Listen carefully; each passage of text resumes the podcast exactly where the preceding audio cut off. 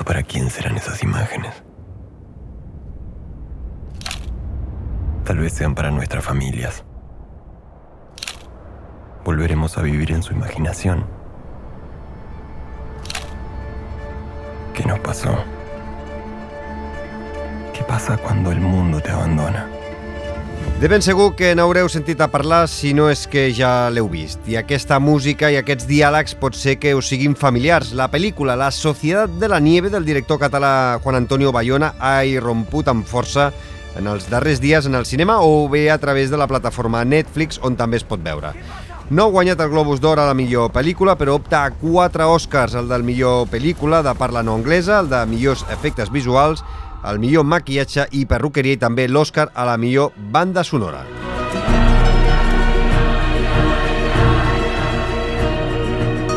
Marc Cornet, què tal? Benvingut al Fem Muntanya. L'has vista ja? Sí, sí, l'he vista i de fet et puc dir que, que m'ha agradat molt. Per cert, eh, que no ho havíem dit encara. Molt bon any, eh?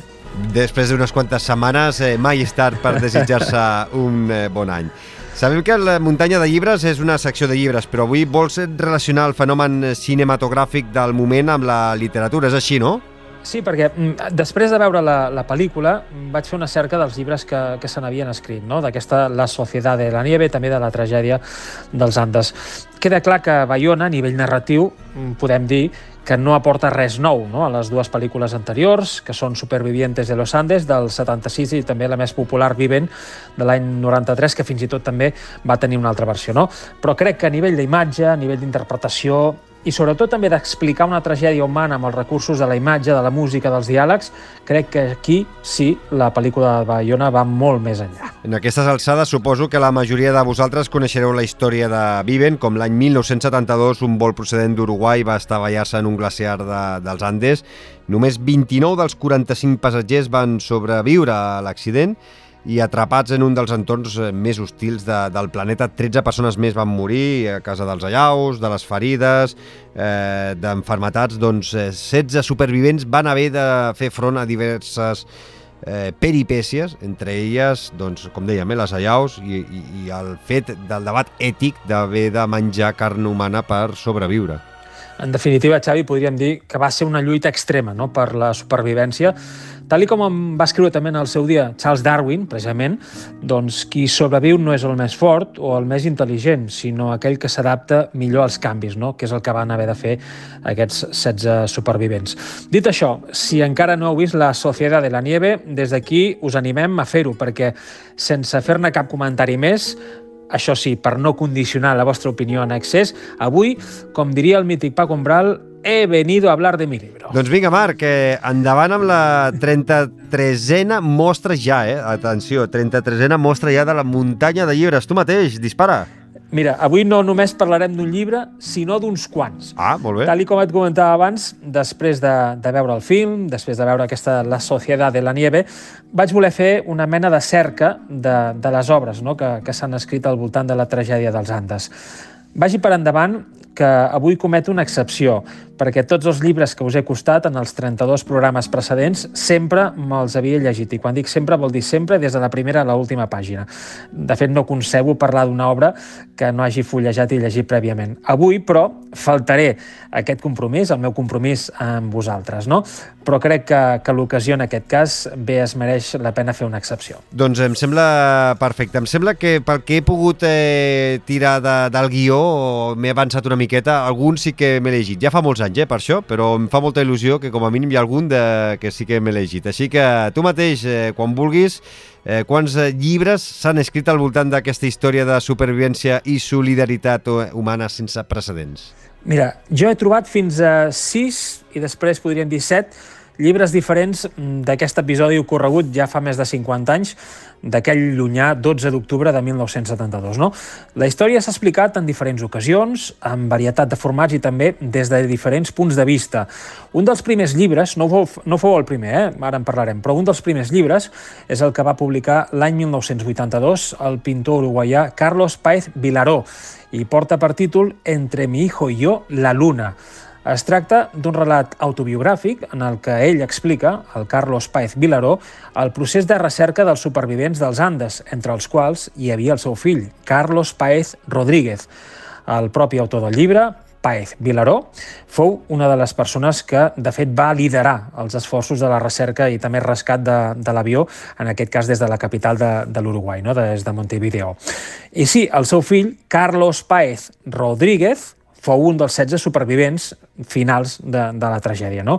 Anys després, ell mateix, el fill, Carlos Paez Rodríguez, plasmaria també la seva experiència en dos llibres diferents. Es diuen així, un és Después del dia 10, publicat l'any 2007, i l'altre és Des de la cordillera de l'Alma, molt més recent, publicat l'any 2016. Doncs de moment, així d'una tacada, ja en portem tres. Va, seguim. El llibre segurament més popular de tots, eh? el que tots tenim al cap, almenys fins ara, és el que va publicar l'abril de 1974 l'escriptor anglès i també biògraf britànic Pierce Paul Reed. Va ser la primera obra que narrava les peripècies i també els debats ètics i morals pels quals van haver de passar tots els supervivents. De fet, la pel·lícula més famosa de la tragèdia, abans de l'arribada de l'obra de Bayona, el Viven de l'any 93, dirigida per Frank Marshall, es va basar en aquest llibre de Pierce Paul Reed, Val a dir que el llibre es va publicar en el seu dia amb l'autorització i col·laboració dels propis supervivents. Podem dir que l'obra és una cronologia detallada de tot el que va tenir lloc durant aquells 72 dies perduts enmig dels Andes entre el 12 d'octubre del 72 i el 28 de desembre d'aquell mateix any. Per tant, Pierce, eh, Paul Reed, el llibre, evidentment, és Viven. Doncs aquest és el llibre que em vaig llegir ja fa un munt d'anys. Eh? És, eh, també he vist la pel·lícula de, de, de Viven, també, i la veritat és que si la pel·lícula, la, la de Viven, de l'any 93, és eh, col, eh, corpresadora, eh? vull dir, és, sí. és, és dura, eh, el llibre el narra, ho narra d'una forma que sembla que trasllada directament dins, dins de l'avió. Un llibre, Marc, eh, que, que m'has comentat, alguns també han criticat al llarg de la història. Eh? La principal controvèrsia dels seus detractors és eh, que hi troben a faltar un enfocament més humà de la tragèdia, més enllà que s'hi dibuixa amb encert els fets que es van tenir lloc, no? amb total credibilitat, o va posar una mica més pa que formatge? Segurament Pierce Paul Reed va pagar allò de ser el primer, no? el que va obrir el camí doncs, amb el seu llibre El Viven d'aquest de, de l'abril del 74. Mm, seguim, perquè un dels supervivents, en aquest cas més reconeguts, no? és Fernando Parrado, aquí per cert, interpreta Ethan Hawke en aquesta versió de Viven de l'any 93, no? de Frank Marshall que dèiem. Doncs bé, Parrado, Fernando Parrado, també va plasmar negre sobre blanc el seu punt de vista de com ell personalment va viure aquesta història. Va ser l'any 2006 quan va publicar Milagro en los Andes, un llibre que explica la seva versió personal, la de Parrado, i també de com va viure aquells 72 dies, mm, de com ell mateix, en definitiva, va esdevenir un dels líders de forma natural del grup de supervivents i de com ell mateix també va emprendre la travessa a la recerca d'un rescat.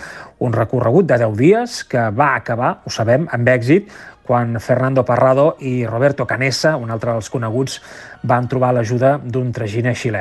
Fernando Parrado va escriure aquesta obra, Milagro de los Andes, en aquest cas, amb l'ajuda també de l'escriptor Vince Ross, un llibre realment corprenedor, cal, cal recordar no? que, que Parrado va veure com morien en aquesta tragèdia tant la seva germana com la seva mare en l'accident. No? L'any de la seva publicació, el 2006, la publicació d'aquest Milagro en los Andes, aquest llibre va ser el més venut de no ficció en tot l'Uruguai. Per tant, ens podem fer una idea també, pràcticament havien passat més de 30 anys i aquella tragèdia i el que va ocórrer a la muntanya seguia d'actualitat. No? I ara, Marc, anem a, ja amb el cinquè llibre explicat pel company de Travessa de Parra, Roberto Canessa. Exacte, eh? perquè Canessa també va comptar en aquest cas amb l'ajuda externa de l'escriptor uruguaià Pablo Bierchi. El títol del llibre segur que us sonarà, La Societat de la Nieve. Home. Es va publicar l'any 2009 i sí, efectivament, és el llibre en el que es basa en gran mesura la pel·lícula homònima de Juan Antonio Bayona. No? Es dona també la circumstància que Bierchi, a qui s'ha reconegut com a autor finalment d'aquest llibre, més que a Canessa, és exalumne del Col·legi Stella Maris, el col·legi, de fet, que pertanyien la majoria dels supervivents. Un motiu pel qual, tot i no haver viscut aquella tragèdia en primera persona, Pablo Berchi pues, també està realment reconegut i vinculat de forma estreta amb la majoria dels protagonistes. No? Aquest llibre, com dèiem, La Societat de la Nieve, no només està autoritzat pels supervivents, sinó que també va comptar amb la col·laboració de tots ells, de tots 16. En aquest sentit, més enllà de la tragèdia, eh, Bierchi explica i narra també la visió personal de cadascun d'ells, de com van viure tot el que va passar a la muntanya i, per tant, jo crec que en aquest sentit podríem dir que és el llibre més vital i més personal i més emocional de tots els que s'han publicat relacionats amb l'accident dels Andes. I a aquests sis llibres, fins i tot em dius, Marc, que s'hi podria afegir un setè. Així és, perquè podríem posar-hi un asterisc, no? L'escriptor nord-americà John Giver ha escrit recentment To Play the Game, en aquest llibre, Giver realitza una extensa i rigorosa investigació analitzant tot el que va tenir lloc a la tragèdia. No podem dir que és un gran treball periodístic d'investigació. Ho fa, mm, en definitiva, des de diferents prismes i des de diferents escenaris. Parla de les causes tècniques de l'accident. Parla també de com és la vida als Andes. A més, d'analitzar molts dels aspectes vitals i humans que van confluir en aquesta història. De fet, si alguna cosa fa Giver és endinsar-se en la cara més desconeguda, perquè podríem dir que se centra més en les víctimes que no passen als supervivents, que és el que havien fet els sis llibres precedents. No? Així doncs, el text d'aquest To Play the Game inclou els perfils de 23 dels 29 morts amb testimonis de les famílies i també del cercle íntim d'aquells qui per sempre més doncs, van quedar-se a la muntanya. No? Per alguns, To Play the Game seria l'obra que tracta de forma més extensa i des de més punts de vista tota la tragèdia. Però, repeteixo, és un treball periodístic d'algú totalment aliè a la tragèdia d'aquest escriptor nord-americà John Giver. Tot un recull de llibres sobre la pel·lícula del moment i que de ben segur, gràcies al film de Bayona, es tornaran a posar en relleu i que suposo que les noves generacions, els més joves eh, que no saben de què estem parlant, doncs eh, reviuran i podran doncs, descobrir de què estem parlant. Ja saps, Xavi, que, que sempre sóc partidari no? de llegir un llibre abans de veure la pel·lícula si realment hi ha un llibre previ. No? Per tant, si podeu tenir una mica de paciència i trobar alguna d'aquestes obres, us demanaria humilment des d'aquí, de, des, des del Fem Muntanya, des de la muntanya de llibres, que la llegíssiu abans de veure la cinta al cinema o a Netflix. No? Heu de tenir paciència perquè, lògicament, tothom n'està parlant d'aquest La Societat de la Nieve.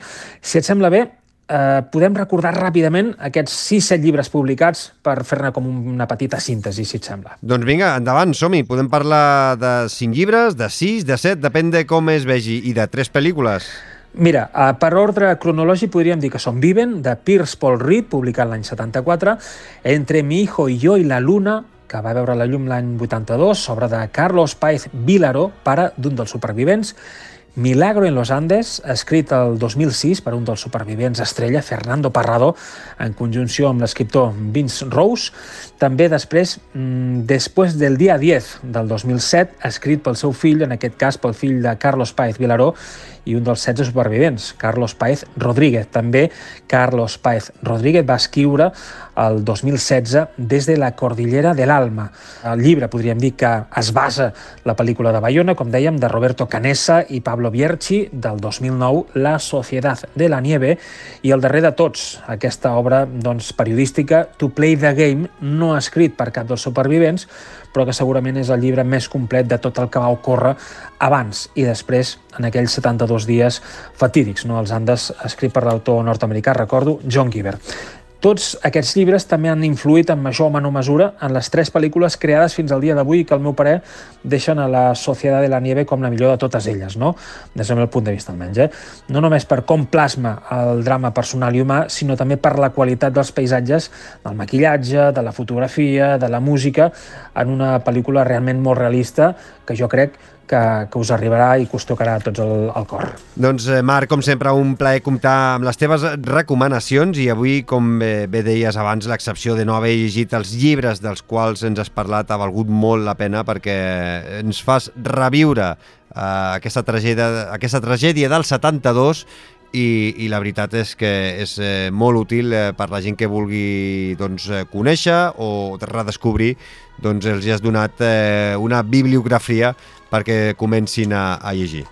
Gràcies a vosaltres, Xavi. Espero haver sabut sintetitzar d'alguna forma i no haver-me fet pesant, no? amb aquests 6-7 llibres, podríem dir, d'aquest episodi històric que més de 50 anys després doncs, ens ha ensenyat que, que el treball en equip, també la solidaritat i els debats ètics i morals ens fan millors persones. No? De fet, m'agradaria també acomiadar-me amb una frase d'un dels supervivents, una frase de Daniel Fernández que diu així Nunca fuimos mejores personas que en la montaña. Marc, com sempre, mil gràcies de nou. Cuida't, salut. Salut, muntanya i sobretot, Xavi, molta lectura.